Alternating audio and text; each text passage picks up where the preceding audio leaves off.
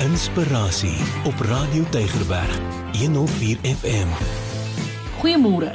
Die Here weet presies op watter plek jy in jou lewe is. Dawid skryf in Psalm 40 vers 2.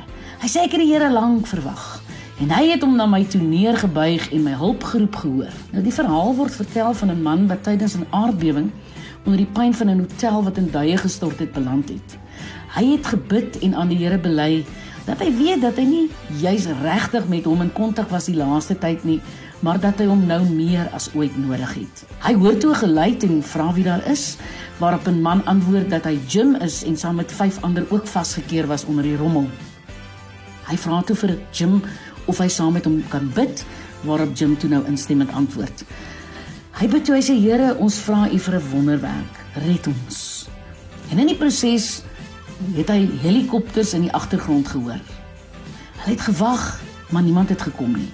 24 uur later nog geen teken van hulp, geen kos, geen water, geen dokters. Maar hy kon hoor dat daar 'n geskarrel was. Die gedagte kom by hom op om die Here te aanbid, waarop hy begin sing. Hy sing great is thy faithfulness. Morning by morning new mercies I see. Dit was nie lank nie of hulp het opgedaag. Moontlik voel jy vasgevang in jou omstandighede. En die Here sê vanoggend vir jou dat sy genade vir jou elke oggend genoeg is.